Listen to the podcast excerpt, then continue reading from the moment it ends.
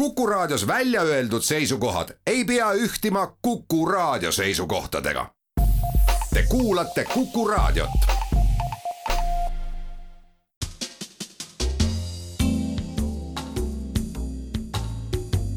tarkade klubi tere päevast, head Kuku raadio kuulajad, mina olen saatejuht Hannes Rumm ja juhin tänast Tarkade klubi, sest Timo Tarve pole veel oma reisikohvreid Pekingist koju tulles lahti jõudnud pakkida ja jätkame seal, kus eelmisel laupäeval pooleli jäime, Tartu ja Tallinna vastasseisust, kus Tartu tiimis mängivad Anna-Linda Tamp, tere Anna-Linda! tervist! Anna-Linda on Tartu meister üksikmälumängus ning töötab Haridus- ja Teadusministeeriumis, aga küsin huvi pärast ka seda, Anna-Linda, et kuidas sul Covidiga on läinud, oled sa äh, läbi põdenud või on see sinust mööda käinud? Oi, paraku olen läbi põdenud, aga ma arvan, et äh, tänu, tänu mitmekülgsele vaktsiinikaitsele läks väga-väga kergelt. peaaegu, et äh, ei kogenudki seda. nii, aga siit, siit ongi hea tutvustada sinu tänast äh, paarilist Tiit Naaritsat, kes töötab Jõgevamaa gümnaasiumis, ma usun, et seal on Eesti kõige targemad ja õnnelikumad ajalooõpilased, sest neil on nii suurepärane õpetaja, tere Tiit! tere!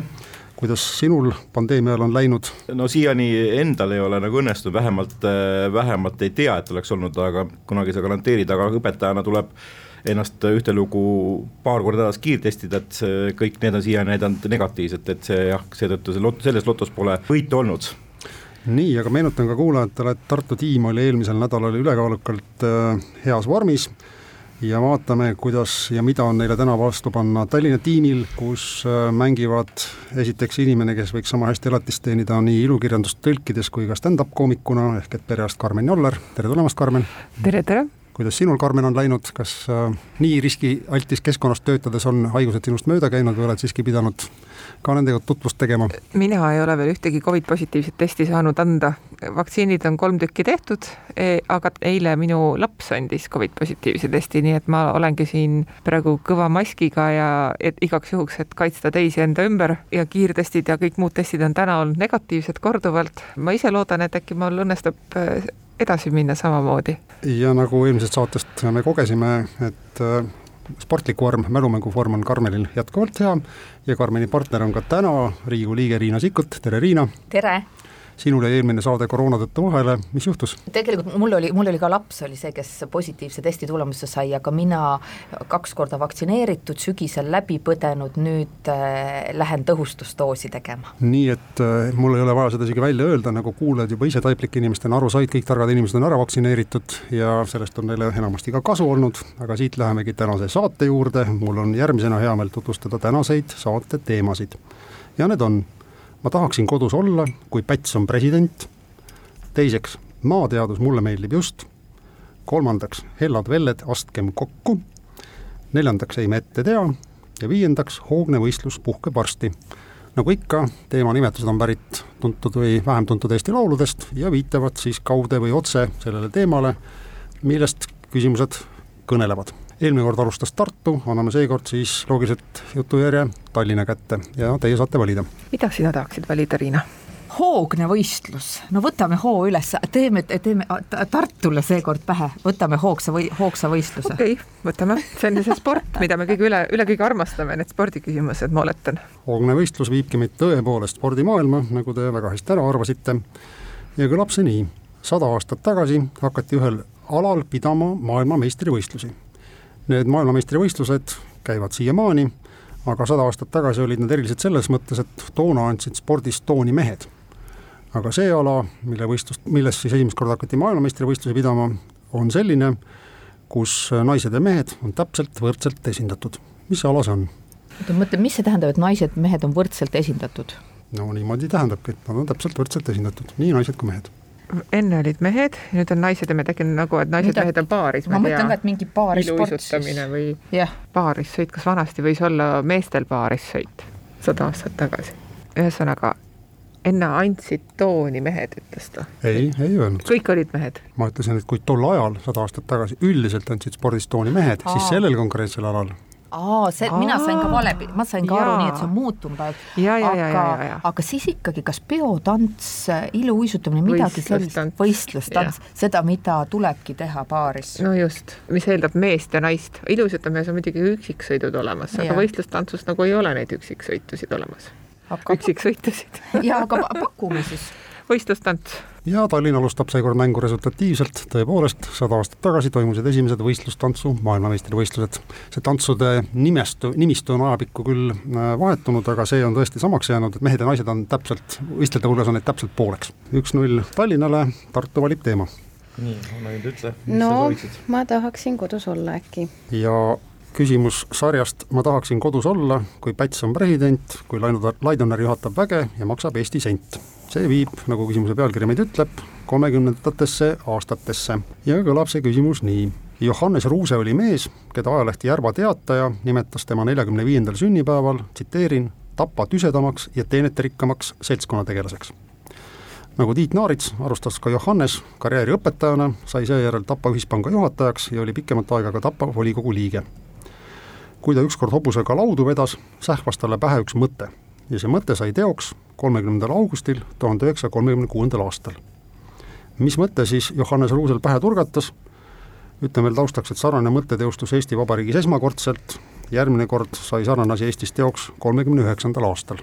nii, värvikas tegelane, kuulnud tast midagi ei ole, niisugune kahtlane küsimus muidugi, et äh, jah, arvestades, arvestades sellega, et, et nad on kõik sealt Lääne-Virumaalt ja kus on Tapa, eks ole, et oota, aga. Järva Teataja aga ja jah, oli Tapa, Tapa on, Tapa, on enam-vähem seal, ta vist on enam-vähem seal vaata maakonna, maakonna mm -hmm. piiril, et ta on vist olnud ka seal Järvamaa enam-vähem niimoodi mm -hmm. kõikunud, et, et mm -hmm. praegu ta on seal jah, Lääne-Virus, see selleks. kolmekümnes august kolmkümmend kuus, lihtsalt laudu vedades üks, üks mõte või niimoodi oli. noh, sama hästi ta oleks võinud sel ajal mida iganes teha, lihtsalt see mõte tuli talle pähe, ta käis selle mõtte välja ja ise väga aktiivselt tegutses ka selle nimel, et see mõte teoks saaks. see on niisugune fakt, mida kuulnud ei ole, et, et seetõttu peab kuskilt nagu midagi tuletama hakkama, et, et vaata, mis need taustfaktid on ja edasi sarnane asi järgmine kord tuhat üheksasada kolmkümmend üheksa. võin veel öelda, et see, see sündmus kolmekümnendal augustil tuhat üheksasada kolmkümmend kuus leidis loomulikult üle-eestilist suurt tähelepanu. no selge, selge. kolmkümmend august ja muinastuletöö näiteks või midagi niisugust. aga miks see kolmeaastase vahega siis? no ma ei tea, lihtsalt nagu vaata, ta ei olnud nagu niisugune koheselt traditsioon mm, -hmm. vaid noh, lihtsalt, lihtsalt nagu, et ah, vot niisugune asi, eks ole, võiks olla ja nii edasi. et mul nagu seostus selle augusti lõpuga midagi, midagi muud samamoodi võis olla mingisugune noh, stiilis öölaulupidu või, või mis tahes veel. ei oska nagu kuskilt kinni haarata sellest, sellest kohast, kus see õige vastus võiks meil peidus olla. kirjelduse põhjal tundub pigem niisugune ettevõtlik inimene kui kultuuri jah, seda seda küll, et aga, aga no siin on nagu Mm. üsna üsna raske mõelda välja, et mis see võiks olla nagu päriselt, et äh, kuhu suunas liikuda. jah, et idee kargas pähe, et ta tõi pangandustegelane, ma ei tea, asutas mingi auhinna või, või mingisugune, et, et noh, kuigi teema on pigem ajalugu, et äkki mingi võistlus jälle, eks ole, et, et äh, mis iganes, nõutus vaatab meile täielik nõutus jah. jah, silmist. no ma pakun, et anname võimaluse siis äh, Viru verele ka, et nemad on sealtkandist pä- pigem pärit, eks ole, et, et võib-olla nagu kodukandist tuleb tuttavad ette, eks ole, kui päris kodukante nüüd ei ole kellegi jaoks teil. Et siis, et noh, et, et äkki see oli mingi muinastuletöö näiteks, et kuigi see ilmselt on palju uuem traditsioon. tõepoolest, see on uuem traditsioon ja punktide selle muinastuletööga seekord ei saa ning äh, Tallinna suureks rõõmuks või ma ei tea, kahjurõõmuks jääte seekord esimest korda punktita. no Johannes Ruuse ei olnud Meite külamees ja et hajutada kahtlusi, me peame ka väljendama hämmingut, et, et ega see, mida Tiit ka rääkis, et noh, tõesti, et kas, kas, kas tõesti mingi öölaulupidu, mingi ühine üritus, midagi ta oli ikkagi laad- kõige tüsedam mees, ma mõtlen, et see, ma arvan, spordivõistlust võib-olla ta siiski ei korraldanud ja, volikogu liikmena, ma ei tea, kohalike omavalitsuste Mhm. mm -hmm. mingi ühine mingi, mina mõtlen äkki mingi heategevusasi heategevuslik kuigi laad. seda tehti juba varasemalt ju Eestis tegelikult oli üsna selline, tegeldi ju igasugu organisatsiooni Punased Ristid ja asjad olid ju enne juba olemas, et ja see oli üle-eestiliselt oluline. jah, et sai tähelepanu. huvitav, kui oluline see kuupäev siin on. jah, kas, kas koht, noh, et Tapa, ma ei tea, raudteega seotud midagi või kuupäev kui suve lõpp ma juhin siis teie tähelepanu asjaolule, et ma ei maininud seda kohta, kus sündmus aset leidis, sest muidu te jõuaksite vastuseni, juba Tartu oleks vastuseni jõudnud kohe. nii, okei et see ei pruukinud toimus, toimuda sündmus Tapal. toimus Ruuse koduvallas. ahah, aga ta oli Tapa volikogu liige jah, aga see järelikult siis ta ei olnud koduvallas, Järva Teataja rääkis Jah. rääkis sellest, vastasvõistkond ka, aga no võib-olla ta oli sündinud kuskil na-, naabervallas, võib-olla ta oli sündinud naabervallas. võib-olla oli üldse, ma ei tea, kus sündinud on ju, pangandustegelane, ärimees, selline väga vinge mees, tegutseja, mida ta siis tahaks teha, kui ta oleks aastal tuhat üheksasada kolmkümmend kuus, aga kui, kui toimus Järvamaal, kui toimus aga mis toimus Järvamaal kolmekümnendatel? ajaloolased kindlasti teaksid seal teisel pool Tartus. no näed, ei teadnud. nii, aga tallinlannad, mis on teie vastus? hea küsimus. vastus on kindlasti veel väärikam kui küsimus. no kui ma nüüd veel mõtlen. jah, noh, mingisugune ra raadiomuuseumid ja ma ei tea, mis seal on. mingi muuseumi asutamine, ei, ei, see oli sündmus see oli üritus, osaleti, ma arvan, üle Eesti. ei, seal ei, kajastus oli üle Eesti, aga kas osaleti üle Eesti? ühislaulmine, eestlased on ju laulurahvas. aga, aga see, et koht, et kui me kohta teaksime mm, -hmm. siis me teaks kohe? jah, teaks kohe. ütle siis koht ette, lihtne ju. nii, aga nüüd ma palun teil vastata ja siis ma ütlen teile kohe ka selle õige koha no kas heategevus võiks olla üks asi, mingi heategevusüritus, no jaa, aga ei noh, see võib mingi eriline asi olla. no mulle tundub, et siit ei tule õiget ei vastust. no ei tule jah, me Loen, kuulame ette ära. loen teile siis äh, vastuseks ette tsitaadi ajalehest Päevaleht tuhande üheksasaja kolmekümne kuuenda aasta augustist. Ruusel sähvatas ükskord hobusega lauakoorma vedades mõte, et Tammsaarele tuleb püstitada monument juba eluajal, et mitte hiljaks jääda. Ruuse ise sündis Albu vallas, kuhu ka monument püstitati ja see, mis siis kolm aastat hiljem toimus Annalinda, oli see, et kahekümne viiendal juunil tuhat üheksasada kolmkümmend üheksa Tahku rannas pandi mälestussammas Konstantin Pätsile. Mm. kus mul, kusjuures mul Tammsaare nüüd turgatas pähe ja kui te naised mõtlesite seal jah, et aga et Järvamaa on ju. võis, mõtlesin, et see võiks olla jah, et kuna Järvamaa ja Tapa, Tapa jah, ühesõnaga, et see on kõik seal ju. no vot, kui inspireerivad no,, natuke kaugemal, inspireerivad aga... naised mõjuvad, aga, aga nüüd mm -hmm. siis äh, Tallinn valib järgmise teema. mis see maatead? vot, ma tahtsin just öelda, prooviks seda maateaduse asja, jah mullu tähistasid kahesajandat sünnipäeva kaks täiesti erinevat riiki. Nad asuvad eri mandritel ja eri maailmajagudes, ometi sündisid mõlemad riikidena tuhande kaheksasaja kahekümne esimesel aastal. üks neist on eestlastele hästi tuntud, sest see asub meile lähemal ja temast räägitakse juba kõige esimestes ajalootundides. teine on kauge riik, mille nime enamus eestlasi sai selgeks alles tuhande üheksasaja kolmekümne kolmandal aastal ühe skandaali tõttu. nimetage palun need kaks riiki, üks õige riik annab pool punkti esimestes ajalootundides, minu esimestes ajalootundides räägiti mulle, kuidas äh, see vürst, ma ei tea, mis ta nime, tema nimi oli, sealt Vatško tuli appi Tartusse sõbralikult õlg õla kõrval võideldi üheskoos Tarbatu linnuse all, aga tuhat kaheksasada kakskümmend üks nagu oli see riik juba ammu olemas või noh, vähemasti. lisaks räägitakse, aga mida tänapäeval räägitakse esimestes ajalootundides? vot mina ka ei tea. ajalooõpetaja teaks kohe öelda just. no vot, kui ta ära ei vasta, siis ta teabki. ma kohe. seda, kuule see meid ainult siin pingutama panebki. no mm. kõige esimestes kus, kusjuures räägingi, kusjuures räägingi. no räägidki ja sa juba tead, on ju. ühte riigi küll, jah. üht, no vot, ta, tal on pool punkti juba käes põhimõtteliselt et esimestes ajalootundides räägitakse Mesopotaamiast alati. jah, ma tahtsingi öelda, et me, me hakkasime ka kuskilt kaugemalt peale, aga. aga see on midagi muud. aga kuule, kas, kas midagi Põhjalast, midagi Ida-Euroopast? millal Soome iseseisvus? ta iseseisvus ka meiega samal ajal enam-vähem ta ei olnud kindlasti kakssada aastat tagasi. siis oli ju Rootsi ja Norra olid. vanad kuningriigid. Saksamaad no, ja, Prantsusmaa, nad olid kõik ei. olemas selle ma täpsustan, riigi all mõeldakse siis sellist riigikorda selles ja et eks ole, need mingid maad ja rahvad on olnud aastatuhandeid, aga, aga sellist tänapäevast riiki sellisel kujul on siis nendes riikides olnud kakssada aastat. et võeti põhiseadus vastu umbes sellel aastal. nii, oota, tuhat üheksasada kolmkümmend kolm oli mingisugune skandaal, mis selle skandaaliga oli? Et see oli üks suurem skandaal Eesti Vabariigis ja tänu Aa, sellele Eestis üks, oli see skandaal? skandaal oli Eesti, Eesti Vabariigis, aga tänu sellele sai siis tuntuks üks kauge riik, mis oli selle skandaali otsene osaline.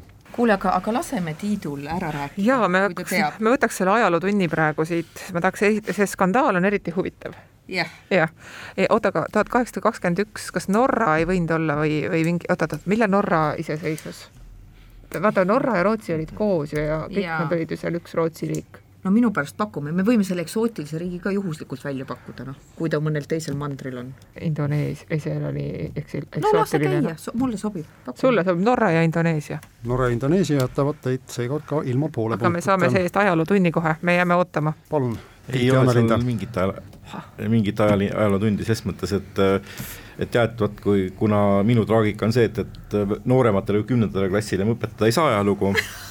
õpetaja traagika. ei, ei ole kuskilt, kuskilt nooremaid võtta mul seal koolis. sa ei tea esimesi ajalootunde? siis on esimene kursus niisugune üldajaloo kursus, mis kordab niisugune noh, mitu-mitu aastat varem õpitut ja, ja kuna kõike ei jõua, ei seda Mesopotaamiat, isegi Egiptust mitte, siis tuleb alustada Kreekaga ja, ja Kreeka, Kreeka tõesti seal vabaduse eest võitles umbes tol ajal ja, ja Lord Byron ja kõik, kes seal olid, eks ole, ja, ja Kreeka peaks olema üks riik mm. -hmm. ja teise suhtes mul on see pakkumine, et tulid meelde kohe et vist oli see, et, et see oli see legendaarne skandaal, kus Eesti riik käris paar äh, sõjalaeva maha ja seda Lõuna-Ameerikasse ja riik oli jällegi, et kahtle kõiges, ega see igapäevaselt mul seal ajatunnis läbi ei käi, aga riik oli minu teada Peruu, kellele siis õnnestus need laevad maha müüa ja sellest oli hull skandaal, kas seal valitsus kukkus ja nii edasi, seda ma täpselt ei mäleta, aga igal juhul jube, jube kisa karjumine oli, nii et, et, et tänapäevane niisugune lehmakauplemine üsna, üsna võrreldav oli see tollal ka, see kisa. nii, õpetaja Naarits, istuge. viis. küsin veel lisaks, et äkki, äkki oskad ka nende laevade nimesid nimetada, neid laevu oli tõesti kaks. kas mi, mingi, üks oli mingi Vampola ja, ja ja, ja no, siit peaaegu on juba, peaaegu on juba lisapunkt tulemas, sest üks on Vambola, teine Lembitu. õige, Lembitu jah, oli teine, ma ei mõtle, et Lembit oli midagi muud ka veel. allveelaev oli ka üks Lembit, eks ole, meil ju. nii, aga seisul üks-üks, võtame väikse hingetõmbeaja, et ära kuulata reklaam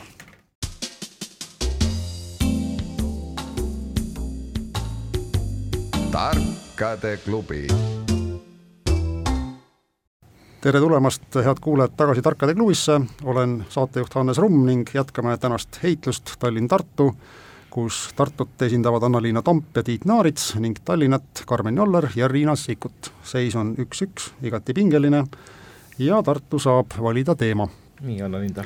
no võtame selle Hellad Vellet nimelise teema. nõus, nõus. Niimoodi selle teema pealkiri on võib-olla mõnevõrra eksitav, sest nüüd otseselt vendadest siin küsimusi ei ole, küll aga tuleb küsimus sellest, et sada aastat tagasi isegi veeb... mitte sellest ansamblist? isegi mitte sellest, et äh, sada aastat tagasi sündis Eestis selline kirjanik nagu Juhan Smuul, äh, kes oli pärit siis sellisest perest, kus oli, tema ema peres oli siis äh, üheksa venda ja üks õde. Ja see on ka ainukene küsimuse seos teema pealkirjaga Hellad venned. sest edasi kõlab küsimus nii, et äh, Smuul oli pärit Muhumaalt ja tema suguvõsa oli väga vana ja väga eriline. tuhande viiesaja kolmekümne teisel aastal kinkis Liivi ordumeister sellele suguvõsale vabaduse. Juhani kauge esivanem Hansken osutas Volter von Plettenbergile mingi teene, tõenäoliselt päästis mehe elu uppumissurmast. tänu siis sellele vabaduskirjale ei olnud Smuulid teooriad, olid vabad tab-, talupojad aga sa, sama vabaduskirjaga said nad kaasa siis ka ühe kohustuse ja seda kohustust nad täitsidki aastatel tuhat viissada kolmkümmend kaks, tuhat kaheksasada üheksakümmend neli, kokku seega kolmsada kuuskümmend kaks aastat. mida siis äh, Smuulide suguvõsa tegi? ütlen veel, et see tegevus on vajalik tänapäevani, kuigi mitte muidugi enam sellises mahus, nagu ta oli siin kolmsada või, või veel ka sada aastat tagasi. kas nad elasid kogu aeg Muhumaal? minu teada küll, jah. kui siis võiks nagu olla midagi valguse näitamisega seoses. et mõtlesid, et niisugune inimmajakad, jah? just, no see, nemad ise ei näida, on, on valgusallikaks, aga et, et nagu, nad pidid nagu, seal midagi tegema, et jah. seda valgust paistaks. tuleb kohe sinu see ütlemise peale see mingi human torch meelde, mingi inimtõrvik, kes on mingist, mingi, mingist koomiksist tuttav, eks ole. selline tõesti on, et see jah, peab olema mingi merendusega seotud tegevus olema mingit, mingit otsa pidi sellest, et noh, Muhumaa ikkagi, et seal ei ole mingi see, et, et kuulge, et noh, no just, et kui see on nagu langetage nii... metsa või, või midagi niisugust no et nii ole, oluline ülesanne, et peab nagu konkreetne kokkulepe olema, et jah, et teie teete ja me saame teile loota. et mis see nagu merepiirkonnas mu, no, veel mul on selline mõte, et mingid noh, mingid siis rannavahid või vaata mingi need see või nad või passivad midagi, vaata, et nad telgivad mingit mm, -hmm. ma ei tea, mhm. piraadilaevu või või vaatavad hülgeid või niimoodi, et ühesõnaga passivad peale midagi, et see on niisugune noh, et nad olid ju ikkagi vabad inimesed, seetõttu nendel oli tunduvalt rohkem privileege, seetõttu neil ei pandud midagi väga rumalat tegema või niimoodi mõttetut mm, -hmm. vaid, vaid see ikkagi täiesti niisugune noh, nii-öelda vajalik ja asjalik kohustus, mis sealkandis oluline, loomulikult ma konkreetset asja ei tea. kas oligi nüüd vastus, et yeah. Midagi sellist, aga mit-, kas vastus oligi see, et midagi sellist, aga mitte midagi konkreetset ja ei no ma ütlesin, ma pakkusin mõned variandid välja, et, et stiilis, et, et noh, mingid rannavahid või midagi sellist. aga siis rannavalve. rannavalve. Baywatch Baywatch Baywatch punastes trikoodes ei, absoluutselt. aga siiski ranna. jah, siin selline rannavalve jätab teid äh, seekord taas punktita, et tänane mäng läheb Tallinnal tunduvalt, vabandust, Tartul tunduvalt raskemalt, vaatame kohe, kuidas läheb Tallinnal. ega me ka siin Smuuli suguvõsast pärit ei ole Ei ole, jah. et, et keeruline, et just, et, et just see, et mis oli tol, et ka siiamaani vajalik asi mm, -hmm. noh, enam võib-olla mitte nii tähtis, aga, aga tol ajal. ja, ja kui nad elasid seal, vähemalt ma tean, et Juhan Smuul on pärit Koguva külast, eks ole, et seal Muhu, Muhumaa kandis, üheksa venda oli tal ema peres. Aga noh, see ei olnud, ma saan aru, oluline, et see aastast tuhat viissada kolmkümmend kaks siis ikkagi hakkas kõik pihta. Ja see lõppes ära tuhat kaheksasada üheksakümmend neli, huvitav, miks ta ära lõppes? et kas siis keegi võttis, mingi riigiamet võttis selle asja üle või, või milles, kas ei võinud olla mingisugune ülemeretransport äkki, paadimees olla kellelegi või mingi, ma ei tea, praami see Vjatšeslav Leedo eeskäijad äkki. jah, et et midagi sellist või noh, siis ma siis pakkusin veel, et äkki mingi teede korrashoid, aga tänapäeval nagu ei ole jälle see teede korrashoid. ja samas see Vjatšeslav Leedo on ka tänapäeval väga oluline tegelane. ja kui, kui mõelda siis Koguva küla või Muhu peale, siis mul tulevad kohe kiviaiad meelde. ja no aga no, see oli mingi... ikkagi niisugune paratamatus, vaata neil ei olnud panna la... neid kive kuhugi, eriti siis nad tegid aiad. jah, et, et loomad mm -hmm. püsiksid äh, tara taga ja nii edasi. ei, see loomine ei pidanud eriti. Kiviaed, no oleneb, enamasti nad olid niisugused madalad aiad, sealt lambad läksid mõnuga üle. Jah, et kas siis transporditeenus või mingisugune tee, infrastruktuuriline asi. Või siis nad olid, ähm, kas nad võisid olla ka mingit pidi millegiga varustajad, ma ei tea, tõid lambiõli või, või midagi, aga see on pigem nagu kauplemine, et kaup, kaupmeestele meeldiks seda ise rohkem teha. See on mingi kohustus, mida ikkagi teised väga taha ei taha, vaata. ja tol ajal see pidi ikkagi olema nii nagu hädavajalik. ja see on kolmsada aastat väga vajalik. teele langenud puude eemaldamine aga tänapäeval on ka teele langenud puid. noh, see ei saanud olla väga häbiväärne kohustus, näiteks tualeti tühjendajad, nad ei saanud olla, eks ole. Et kui nad said endale nii äh, sellise, päästsid seal uppu, keegi esiisa päästis uppumisest kellegi, siis see pidi olema ikkagi nagu tänu, et sellega sai, ei saanud kaasneda mingi väga hirmus kohustus, et see pidi olema selline väärikas kohustus näiteks kalapüüd on mõistlikule. mõtlemisaega kulunud juba rohkem kui Tartul, palun formuleerige vastus. me oskame vähemalt hästi rääkida. aga no kuule, aga mulle meeldib see sinu see transpordi mõte. ülemeretransport, et olid äh, kohalikud paadimehed siis või, et neil oli kohustus äh, vedada kedagi üle, et on need siis saksad näiteks äkki, sakste isiklik paadimees või midagi. oota, aga noh, see on tänapäeval, tänapäeval on ka oluline, aga mitte nii oluline, aga nojah, tänapäeval saab autoga ka. ja Karmen, teie vastus on? Oh, sakste transportijad üle mere. Äh, mälumängus on üks reegel, et ära kunagi vastust liiga üle täpsusta. Äh, sakste transportijad, lihtsalt transportijad. transpordi eest, transpordi eest saate pool punkti, sest õige vastus on selline Äh, Smuulide suguvõsa vedas posti Mandri-Eesti ja saarte vahel, ennekõike Pärnu ja Muhumaa vahel. see oli tol ajal ikkagi elitaarne tegevus, seda ei saanud sugugi mitte igaüks teha, aga samal ajal oli ka selge vastutus, et post pidi õigel ajal õigesse kohta jõudma. poolteist, üks on Tallinn ees ja teema valib ka Tallinn, palun. ei, me ette tea, on valimata, noh, ei tea ette, mis tuleb, ongi huvitav küsimus on siis selline, et tunamullu registreeriti USA-s, täpsemalt Mississippi, Louisiana ja Texase osariikides uus maailmarekord tulemusega seitsesada kuuskümmend kaheksa kilomeetrit. eelmine maailmarekord kuulus Brasiiliale tulemusega seitsesada üheksa kilomeetrit. teadlased ütlevad, et nüüd hakatakse neid rekordeid sagedamini fikseerima, sest mõõteriistad ja mõõtevõimalused on viimastel aastatel oluliselt paremaks läinud seejuures ei ole tegemist mingi tobeda Guinessi rekordiga, vaid päris elulise asjaga sõna otseses mõttes sest näiteks küsitav tappis tuhande üheksasaja seitsmekümne viiendal aastal Zimbabwes korraga kakskümmend üks inimest. ja Tartu Ülikooli teadlased on vanade ürikute põhjal tuvastanud, et enne teist maailmasõda tappis küsitav Eestis igal aastal keskmiselt kaheksa inimest no see, see lõpp läks nüüd väga morbiidseks, ma muidu kiiruste eh, või, või nende distantside peal, no mingi, mingi loodusnähtus või mm? -hmm mis aastal see Zimbabwes juhtus? tuhat üheksasada seitsekümmend viis. ja Eestis sureb kaheksa inimest aastas? enne teist maailmasõda. ja nähtus on kilomeetrites, ta peab ikka ilmastikuga olema seotud. muidu võiks ju arvata, et, et mingisugused tornaadod liiguvad selles, selle distantsiga, mõõteriistad on paremad et on võimalik fikseerida tulemusi. tuvastada nende teket kohe kiiremini. Mississippi, Louisiana ja Texas, ta läks läbi selle kolme osariigi.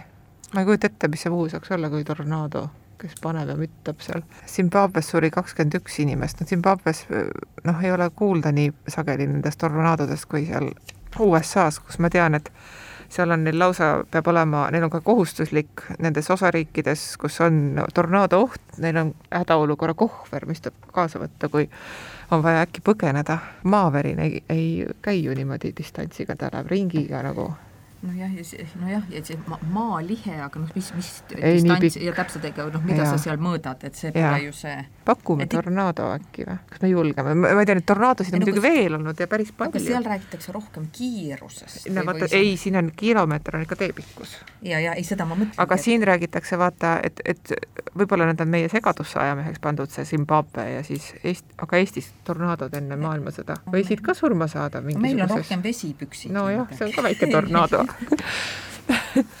et kaheksa inimest aastas jäid langeva puu alla. metsa oli muidugi rohkem enne teist maailmasõda. metsa oli vähem, selles mõttes, et põldu oli rohkem.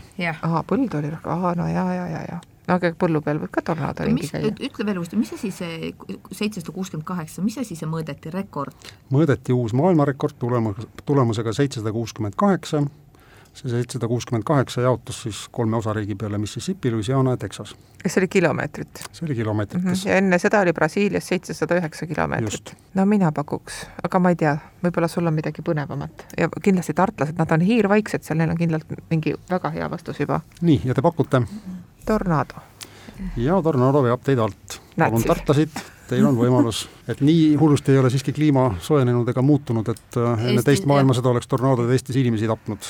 mine tea, võib-olla vesipüks tegi midagi. Nojah, meil, meil oli juba põhimõtteliselt sama, sama vastusega arvestatud, nüüd vedasid alt meid ja meil on väga kahju, tegelikult jah, kahju, kahjuks küll, et nii et, et selline kimbatus meil siin lausa.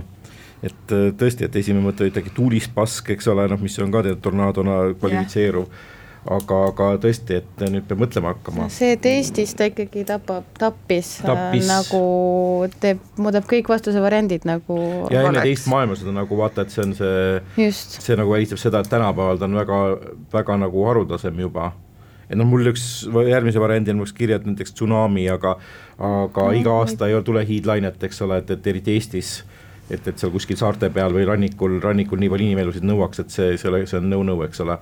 Et kuigi kiiruse mõttes ta on, mis on äh, sinu mõttes väga, mis saab veel olla pikselöök näiteks noh, kas seda mõõdad kilomeetrites? mingi äike, et ühesõnaga, et, et kui, kui kiiresti see tuli no,, ma pean mõtlema, et kas ta nüüd oluliselt kiiremini, kiiremini ei tule sealt taevast.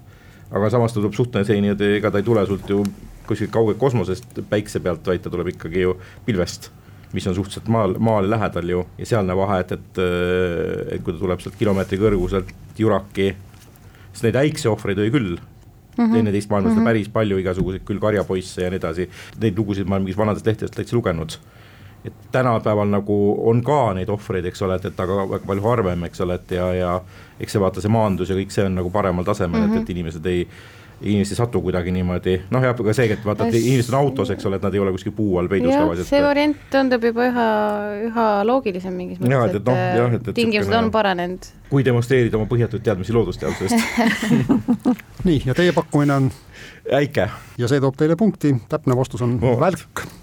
et siis maailma kõige pikem välk, mis on satelliidi pealt ära fikseeritud, oli seitsesada kuuskümmend kaheksa kilomeetrit pikk ja ta ulatus tõesti üle Ahah. kolme USA osariigi ja need õnnetud Zimbabwe inimesed siis kogemata tunglesid ühes telgis ja, ja kui sinna välk sai sisse lõi, said nad tabamuse, aga nagu Tiit tegelikult ütles, enne teist maailmasõda Eestis hukkusid inimesed välgulöökide tulemusena kaks poolteist on seis ja küsimuse teema valib meil Tartu. tundub, et, et vastutus lükatakse minu kaela, aga võtame siis ikkagi siin niimoodi hoogne võistlus. hoogsa võistluse peale lähete teie. see küsimus kõlab nõnda. Ameeriklanna Margaret Abbott suri tuhande üheksasaja viiekümne viiendal aastal, ilma et ta oleks teadnud, et ta on olümpiavõitja. ka tema järeltulijad olid väga üllatunud, kui üks spordiajaloolane nad üles otsis ja teatas, et nende esiema on olümpiavõitja vähe sellest, Margaret polnud mitte lihtsalt olümpiavõitja, vaid ta osales ise seda teadmata olümpiamängudel tuhande üheksasajandal aastal samadel võistlustel koos oma emaga. Õiglus seati siis postuumselt jarule ning nüüd on ka ametlikes teadnikes Margaret Abbott küsitava ala esimene naisolümpiavõitja. mis ala see on? see on ka praegu olümpiaala. Äh, mul tuleb kohe meelde üks äh, eelmise sajandi algusest ühed olümpiamängud, kus pooled alad umbes olid kuidagi imelikult korraldatud ja maratoni tulemus umbes ei läinud arvesse, aga mul ei tule meelde, mis olümpia see oli mm. -hmm. kas sulle kohe teab midagi? oli see, see olümpia oli Pariisis. siis see võin seda öelda sulle, nii palju, nii palju mul peaks olema olümpiaajalugu meeles. nii et, et päris juhuslikult nad sinna kindlasti sattuda ei saanud, võib-olla siis võib-olla ainult see, et, et noh, eks Pariisis elas nii inglasi kui ka ameeriklasi nii või teisiti juba tollal, eks ole, et, et seetõttu mm, nad võisid seal niimoodi olla aga jah, et, et kuidas hakata nüüd analüüsima, mõtlema, et äh, tulla olümpiavõitjaks niimoodi, et, et seal, sul pole vähemalt aimugi, ma tean, et seal oli mingi sõudmisega selline jama, et, et see, aga see oli, see oli mingi poisikene, kes, kes oli siis nagu roolija ja kes kadus niimoodi ära, et teda ei leitudki üles, ühesõnaga, et, et noh, ta oli nagu roolija, võeti mingi suvaline poisikene, kes pandi sinna selle roolija kohale ja ja siis kaheksa paat võitis, eks ole, et ja siis ta lasi ennem jalga, kui üldse mingiks asjaks läks, eks ole, ta lihtsalt tegi nagu paadisõidu kaasa aga, aga mõtleme üldse nagu alasid, kus on võimalik niimoodi täitsa lambist tulla olümpiavõitjaks, ilma et sa teaksid ise seda ka. ja, ja vaata, siin on veel see, et, et oli fakt, et osales koos oma emaga, aga huvitav, et nagu ema siis ei tulnud olümpiavõitjaks, vaid tüt-, tütar tuli hoopis. et see on nagu kuuldud fakt, aga, aga ei, ei tule nagu sealt aju, ajusopist praegu, praegu kuskilt esile et mis ala see võiks olla, aga no lihtsalt tuleb tuletada, siis vaata, me ka, me ei pea mm -hmm. pakkuma nagu tõsiteadmist, vaid me saame pakku-, ka oletada või tuletada ja no üks on näiteks see sõudmine, aga no sõudmine on see, et, et tõesti, et et kui ta nagu näiteks roolija oli, siis ta võis, võis ju ühesõnaga ikkagi nagu need meeskonnaliikmed tal nii-öelda võisid. Ja minu arvates sõudmine oli puhas nagu macho ala, et seal olid mehed tollal, et seal naisi nagu tollal ei olnud, et kus üldse naised olla said tollal, mingi kergejõustik, eks ole, ujumine. No mingid, millal võimlemised ja sellised mm -hmm. asjad juurde tulid. võimlemine, sportvõimlemine ühesõnaga mm,, siis tennis golf mingisugune näiteks võis olla, raskejõustikku tol naistel ei olnud, siis mingi sportmäng äkki näiteks äkki, et aga noh, jällegi, et ema, emaga ratsutamine näiteks mm, -hmm. ma ei tea. Need alad olid ja neil, need olid naistele ka juba olemas, aga aga see oli väga, väga kummaline lugu. no nüüd Tiit, oled sa läbinud terve, tõenäoliselt terve olümpiaprogrammi otsast lõpuni, jääb nüüd üle ainult teha see kõige lihtsam asi ja sealt õige välja valida see on see kõige keerulisem asi, sest et äh, praegu nagu ei, ei plahvata kuidagi seal see asi, et öö, äh, oletame, et näiteks noh, sealt ei saanud olla, et no pakume siis mingisuguse, näiteks ujumisest tuli olümpiavõitjaks. kuidagi, kuidagi õnnestus niimoodi kõrvale nihverdada, et ei ei saadudki tütarlast kätte ennem kui aastakümneid hiljem nii-öelda postuumselt. siiski, siiski, ujumine ei too teile punkti ja Tallinnal on võimalus ette rebida no Tallinn lihtsalt eh, teab seda, et Pekingis on see kord palju rangem. Et sellist tagant, tagantjärgi üllatuslikku äh, olümpiavõitu ilmselt keegi ei saa. Mm, -hmm. aga no tõesti ei kujuta ette, et mis segadus see pidi olema. ära Riina unusta, ära Riina unusta dopingukontrolli tagantjärgi olümpiavõitjad ega, ega me siiamaani ei tea, kas see Margaret Abbott dopingukontrolli läbiks. Jah, vaata, mina mõtlen ka sedasama, et see pidi, et esiteks mingi ajaloolane tuli sinna otsima seda perekonda, et see pidi olema mingisugune viga, viga, mille see ajaloolane avastas kuskil ürikutes siis noh, nendes dokumentides. või mingi vana foto või. ja, ja see pidi olema ka selline ala, mis, mis nagu, kus sa ei saanud teada kindlalt, et sa noh, sa ei saanud olla võidujooks, kus on ju näha, kes on see esimene ja kes ei ole esimene, eks ju et seepärast ma pakkusin ka, mõtlesin ka, et äkki see võiks ka olla tõesti midagi ratsutamine a la näiteks koolisõit, kus arvutatakse punkte kokku või mingi selline ala, kus on punktid nagu olulised et ta võis Aga..., ta no ja noh, ja ratsutamine näiteks on selline ala, kus sa võidki olla niisugune väike kena neiukene ja oma emaga minna, kes on ka väga heas vormis ja mõlemad koolisõidu läbida, seal ei ole nagu see füüsis niivõrd oluline, kui on, kui on see oskus seda looma nagu suunata. aga küsimusest ma sain aru, et, et, et ta ise ei teadnud, et ta oleks osalenud et, et siis ta pigem oli, et noh, ma ei tea, ema võttis ta sülle või kuhugi. ja ma mõtlengi, et ja mul tekkis ka küsimus, mis aastal ta sündis, kui ta suri tuhat üheksasada, tuhat üheksasada viiskümmend viis või kui vana ta surres oli et kui teaks seda. et see oli viiskümmend viis aastat enne ta surma. see olümpiavõitja oli tudeng ja tema ema oli ametilt kirjanik mm. -hmm. ei tea no,, ma ei tea mina, mina mõtlesin enne välja koolisõidu, aga ma ei ole kindel, et see on see. koolisõit kindlasti ei ole see ala sest äh, see sümpaatne Margaret koos oma emaga läks nagu ikka pühapäeviti golfi mängima, kuna need võistlused olid osad olümpiamängudest, siis nad ise ei saanudki aru, et nad on, osalevad olümpiamängudel. Margaret võitis selle võistluse, sai auhinnaks mitte medali, vaid portselanist karika, viis selle uhkelt koju ja siis viiskümmend viis aastat hiljem üks spordiajaloolane tuvastas, et, et lisaks portselanist karikale oleks pidanud kaela saama ka olümpia kuldmedali. et ikkagi oli punktivõit, võistlus? tartlastel käis golf läbi, golf on praegu läbi, vägagi olümpiaala. aga ja, ja, mäng läheb raskelt, laseme võistlejatel korraks hinge tõmmata ja kuulame ja laseme sel ajal juttu, juttu rääkida neil inimestel, kes meile midagi huvitavat ja kasulikku müüa pakuvad.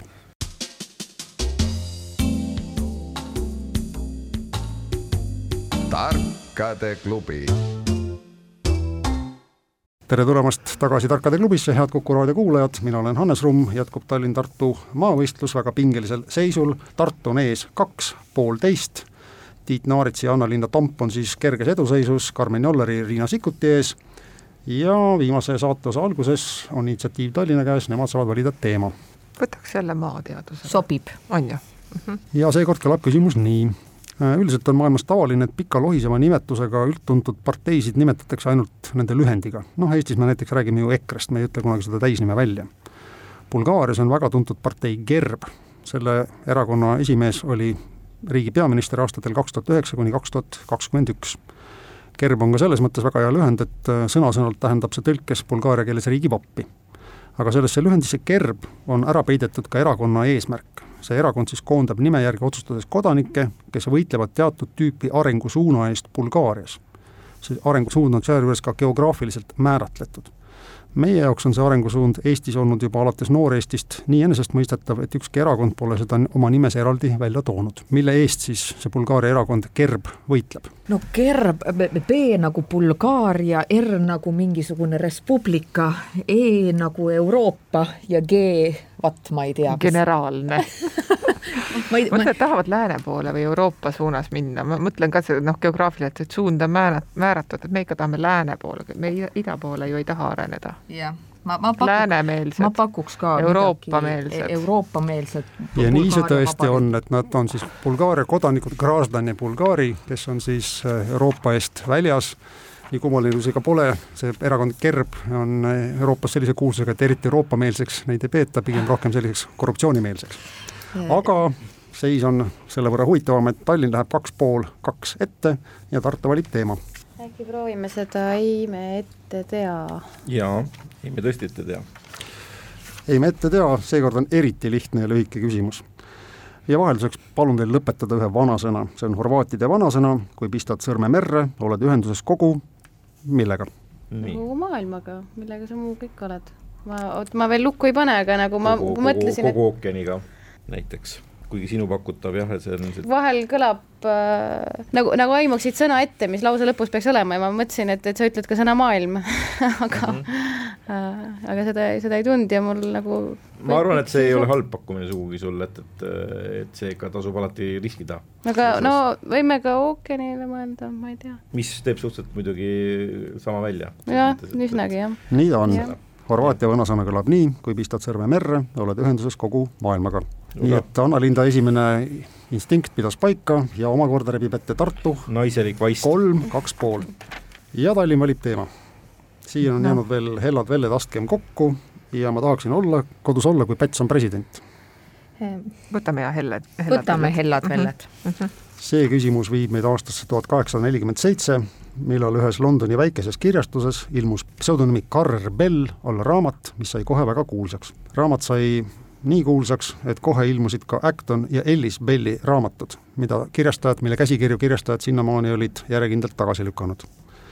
see tuhat kaheksasada nelikümmend seitse Carr Belli, autori nime all, Carr Bell nime all ilmunud raamat kuulub tänini Eesti koolides kohustusliku kirjanduse hulka. nimetage siis selle Carr Belli teose pealkiri. pagan, mul küll tuttav ette ei tule, et oleks lugenud, aga ma olin aga... täiesti raamatuhull kunagi ma ei mäleta ka, et ma oleks selle autori raamatut lugenud. no see oligi pseudonüüm, et kui raamatut saatis edu, siis loomulikult ah. ühel hetkel tuli ju kirjanik välja oma õige nimega. no kes nad olid, Eerum, tollal oli nii palju neid väga vingeid kirjal, kirja, no Dickens oli ju tollal ja siis Jules Verne vist oli veidi hiljem, äkki oli Dickensi mingi raamat või?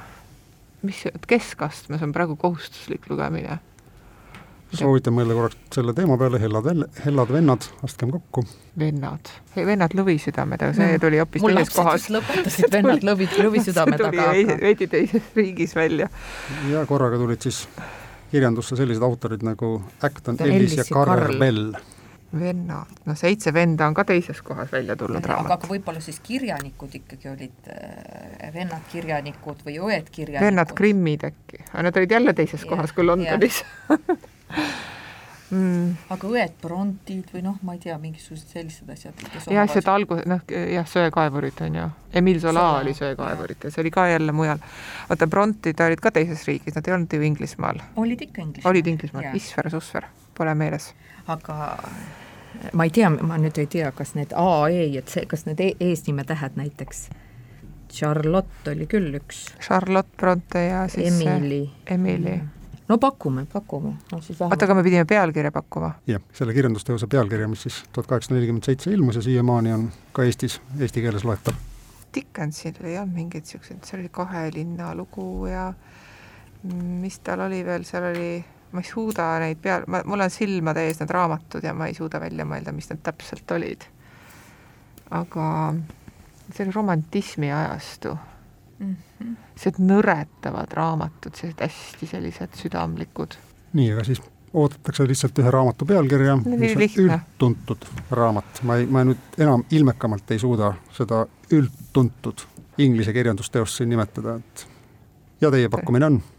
miks on küsimus hellad velled? või läheb vastuse pakume ühe, nüüd pakume Vihurimäe. no pakume Vihurimäed. nii, ja kuulame ära Tartu vastuse Äh, ma olin kaheksandas klassis, kui pakuti lugeda poistele Graf Monte Cristot ja tüdrukutele Jane Eyre'i ja ma arvan, et see vastus võiks olla Jane Eyre loomulikult on see õige vastus Jane Eyre, selles Sa mõttes, et kuna tol ajal ju naisi kui kirjanikke ei võtnud ei, ei keegi avalda. tõsiselt, siis õed Bröntid avastasid, avaldasid oma teosed esialgu vendade Bellide nime all, siit ka vastus küsimusele oh,. isegi, oli õige. ei, aga isegi nõrk B, vaata, Bell ja, ja, ja, ja, ja, ja. ja Riina tegelikult luges ka neid eesnime esitähti õigesti, et äh, siin on, meil on tegemist Charlotte'i, Anni ja Emiliga, aga ma annan siis Tallinnale pool punkti Brontide eest, äh, jääb siis niimoodi, et neli-kolm on enne viimast küsimust äh, Tartu ees. Ja jääbki meil kõlama ka viimane küsimus, mis on sarjast? Ma tahaksin kodus olla, kui Päts on president, selle autor on raadiokuulaja Tarmo Vahter Tallinnast, õigemini on küsimus pärit tema raamatust, mis ilmus ka enne jõule ja räägib meile siis tuhande üheksasaja kolmekümnendatest aastatest ja kõlab küsimus nii. Eestis mõisteti aastal tuhat üheksasada kolmkümmend kuus kohtus süüdi viissada kuuskümmend, kuuskümmend üks inimest, kellele politsei oli jahti pidanud kui niinimetatud jänestele. kes need jänesed olid, mille eest nad seadusega ette nähtud tasu maksmata jätsid? pealekaebajatele, kes jänese tabada aitasid, maksti selle eest korralik tasu, kolm krooni kolm krooni oli tol ajal korralik summa, sest näiteks Nõmmel, kus Karmen praegu elab, maksis uhkes restoranis supp kakskümmend senti, praad nelikümmend senti ja magusroog kakskümmend senti, nii et kolme krooni eest sai korralikult viitsutada. ja vastamise järg on meil Tartu käes mm. -hmm. jällegi, nüüd see, see, see raamat on mul täitsa, täitsa niimoodi olemas, ostetud, aga ootab, ootab mu lugemisjärgi jälle, et, et kõike lihtsalt ei jõua korraga lugeda, et tuleb, tuleb ikka järjekorras võtta asju. ja siis oli niisugune nagu selline toekam ja tummisem teos, et siis ma mõtlesin, et las jääb nüüd natukese aja peale, pärast kui siis rohkem aega on ja, ja näiteks ma ei tea, mingi koolivaheaeg või suvevaheaeg, et siis, siis loen läbi ja niimoodi lappan, lappan ja, ja, ja, ja võib-olla, võib-olla ka mõnulen, kui see hea raamat on, aga pidi olema. et äh, noh, ainuke loogika, mis mul tuleb nüüd selle peale, et äh, jänesed mingi maks maksmata jäänud? Äh, jah, tähendab noh, jänes ei ole kindlasti ses mõttes jänes, nagu ta on olnud äh, sellises aastakümnete slängis viimasel ajal mm, -hmm, eks ole, et ta mm -hmm. ei ole mhm. piletita sõit. kolm krooni ikka on väga magus tasu äh, sellise jah, ja noh, muidugi see natuke selline ta, tänapäeva ajastu vaimu küsimus on, eks ole, et, et, et et teate inimesest, kes, eks ole, niimoodi, et aga aga, või, või siis ühesõnaga, et teatame inimesest, kes ühesõnaga ei tea seda või teist või kolmandat asja aga ühte ma olen kuulnud küll, et ma olen kuulnud seda, et on ähm, jänesteks kutsutud neid nii-öelda äh, noh, nii-öelda neid äh, põrandaaluseid meistreid, vaata, kes teevad mingeid asju suvalt nii-öelda kuskil oma nii-öelda, ütleme, et noh, see võib olla ka sama konniaja näiteks mm, -hmm. see võib olla mingisugune, ma ei tea, kingsepp, rätsep, kes, kes teeb jumal teab mis, mis kvaliteediga ja nii edasi, et võimalik, et pidi olema nii-öelda siis selline noh, nii-öelda ikkagi litsents või, või mm, -hmm. või asi sul, luba sul selleks, et kõik tegevuseks olemas ja need olid need tüübid, kes tegid seda ilma loata ja kui keegi selle ise näiteks niisuguse no ütleme, et kas või mingi salaalkoholi valmistaja või nii edasi üles andis, siis ta saigi selle nii-öelda auhinnaraha, et, et vastus jääb natukene üldsõnaliseks praegu, et kes täpsemalt Ma..., aga aga ütleme, et niisugune jah, laiemas mõistes meister, kes siis nagu teeb nii-öelda noh, niimoodi ilma loata neid kaupu ja asju valmistab, ühesõnaga see on nagu kõige, kõige selline üldisem, et näiteks nad viid, noh näiteks, et olen tean ise, isegi, et, et on olnud, olen, tean isegi hambaarstist näiteks, kes, kes niimoodi kodus hambaid välja tõmbas. niimoodi, Tiit, aga, aga pean tunnistama, et need hambaarstid, kes salaja hambaid välja tõmbasid, siiski ei ole õige ei, no, vastus. me pakume, pakume meistri, ühesõnaga meistrit, kes nagu teevad midagi salaja. aga ka see ei aita teid punktile ja järg läheb üle Tallinnale, Tallinnal on võimalus, võimalus mäng vigistada, te olete kolm-neli taga, olge head, kasutage võimalust. jah, ega me nüüd ka siin ei tea, et kes need jänesed, mis oli jänes see? on keegi, kes jookseb eest ära. varjab ja peidab ennast et noh, meil tekkis nagu mõte, et äkki need on need salaviina vedajad kes äh, no tollal ikka oli päris karm see viinaäri minu meelest. no jah, aga see tuhat, mis see oli, viissada kuuskümmend üks inimest või? viissada kuuskümmend üks inimest aga jah, ühel päris... aastal mõisteti süüdi mm. -hmm. seal ikka võis olla ka seda, nad läk-, viisid ju seda, ma ei tea, minu meelest lausa üle piiri vedeti seda viina ja ja see oli niisugune päris karm äri, et minul on nagu see salaviina Paku, pakume, pakume selle, jah salaviina ärimehed jätavad tänases mängus võidud Tartule tulemusega neli-kolm, sest kohtus karistati tuhande üheksasaja kolmekümne kuuendal aastal raadiojäneseid. Need olid need inimesed, kes jätsid maksmata riigi ringhäälingule raadio kuulamise eest.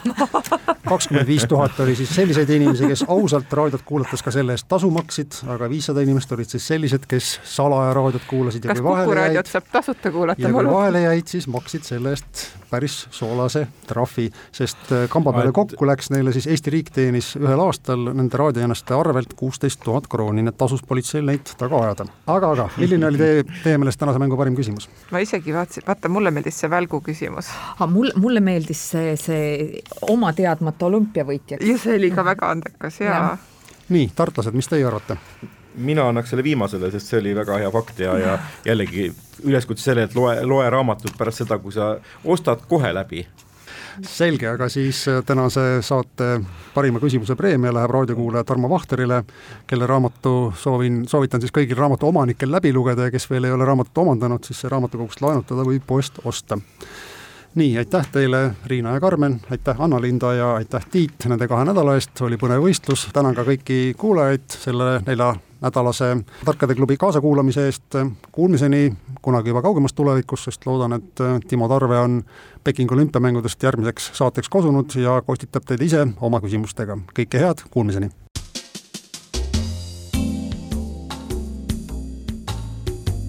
tarkade klubi